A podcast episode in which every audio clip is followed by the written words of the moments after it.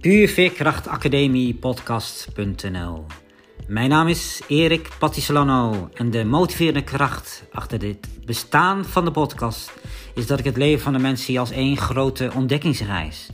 Met kleine en grote gebeurtenissen, met onze geluk en pijnlijke momenten in ons levensspoor. En de podcast hebben een kracht als je de moed hebt om met jouw pure veerkracht ermee aan de slag te gaan.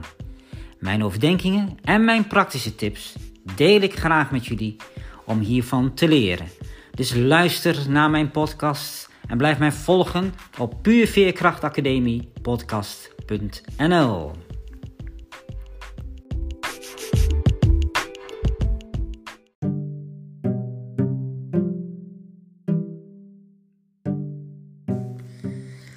Voel dat er iemand is in je huidige leven of in het verleden die om je geeft. Aflevering 16. Ik begin eerst met een uh, leuke inleiding. Want op een dag kwam een jonge man tijdens een wandeling bij een brede rivier. Hij vroeg zich een tijdje af hoe hij een dergelijke wilde stroom zou kunnen oversteken. En op het moment dat hij besloot zijn reis af te breken, zag hij zijn leraar aan de andere kant. De jonge man riep vanaf de oever: Kunt u mij zeggen hoe ik naar de andere kant van de rivier kom? De leraar glimlachte en antwoordde: Beste vriend, je bent aan de andere kant. Ja, een mooi, bijzondere inleiding.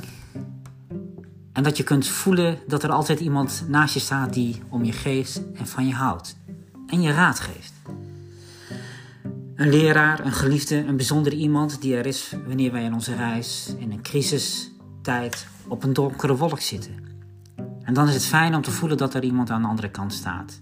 Die onvoorwaardelijk om jou geeft en in jouw nabijheid is. In de goede en de minder goede dingen die wij in het leven doen. En die je uiteindelijk aanmoedigt om niet altijd de gemakkelijkste weg te kiezen, maar de weg die nodig is om te groeien als mens. Ja, en dan is het fijn dat we in aanraking mogen komen met een, ja, ik noem het maar een spirituele gids of een beschermer. Vaak zijn het personen die in jouw levensspoor iets betekend hebben en die jou geïnspireerd hebben of belangrijk voor je zijn geweest. Maar dat kan ook een persoon zijn die nu op jouw pad is gekomen. En die je nu nodig hebt in het moment. Een moment waarin je op een kruispunt staat om wellicht een belangrijke beslissing te nemen in je leven. En vaak dienen deze mensen zich zo aan.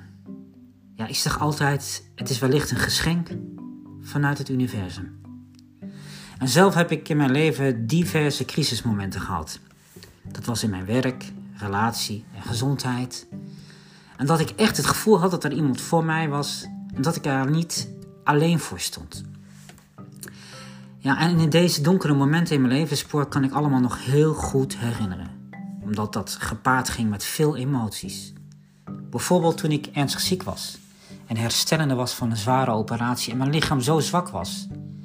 En ik in het moment erg verdrietig was, veel pijn, angst had en mij eenzaam voelde. En bovendien ja, was de omgeving, en misschien is het nu niet zo op zijn plaats, het verplegend personeel, het zorgpersoneel ook niet echt liefdevol. Ze waren gewoon niet aardig, ze waren koud en zakelijk in hun gedrag. Bovendien was er ook veel stress op die afdeling en ik had daar veel last van, want ik voelde alleen maar meer strijd in mij om mij hier tegen te verzetten. Tegen dat onvriendelijke, koude gedrag van deze mensen. En tijdens het slapen zag ik daar het meeste tegenop. Alles was donker en koud op die hele afdeling en ik kon niet slapen en me draai vinden. En toen was er een moment dat het echt niet goed ging met mij. Ik voelde veel angst en duisternis op me komen. En ik wilde ook geen hulp roepen, want dat hielp mij helemaal niet. En ik had daar ook geen vertrouwen in. En ineens stond mijn opa naast mijn bed. Ik herkende hem van een foto die ik ooit van mijn vader had gekregen. Hij was zwart en statig gekleed en had een hoed op. En ik voelde in dat moment alleen maar zorgzaamheid, bescherming en vooral veel liefde. Wat ik van hem kreeg. En verder zag ik een waas van stralend licht op mij afkomen, waardoor ik heel rustig werd en uiteindelijk in slaap viel. En de volgende dag was alles in mij ook veel rustiger geworden. Ik had veel minder spanning in mijn lichaam. Het heeft mij in ieder geval veel vertrouwen in mijn herstel gegeven. Het idee dat mijn opa altijd er is om mij te beschermen.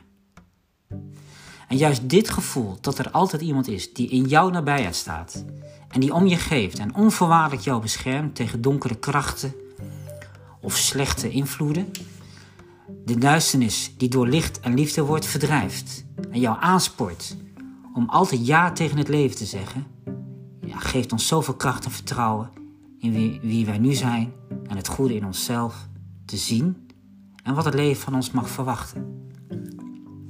Ik ben er ook van overtuigd dat er altijd een innerlijke beschermer in jouw nabijheid aanwezig is. In goede en slechte tijden. En zie deze persoon en luister naar de stem. En vertrouw erop wanneer je alles donker ziet. En dat deze persoon naast je staat wanneer je uit de diepte komt en de kans krijgt om te mogen ontwaken. Wakker worden noem ik dat altijd. En vooral gaat het ontdekken, vooral ga, gaan ontdekken in wie jij wilt zijn en wat het leven van jou vraagt. Ik wil je bedanken voor het luisteren voor deze bijzondere podcast. Ja, wellicht vanuit de diepte persoonlijk gebracht. Het voelt goed van binnen om dit met jullie te delen. Daarvoor wil ik jullie bedanken. Sta in stil of wees eens je meer bewust wanneer iemand aan de andere kant staat die zich aandient. Het is allemaal in orde en vertrouwd om gelukkig en vredig leven te mogen leiden.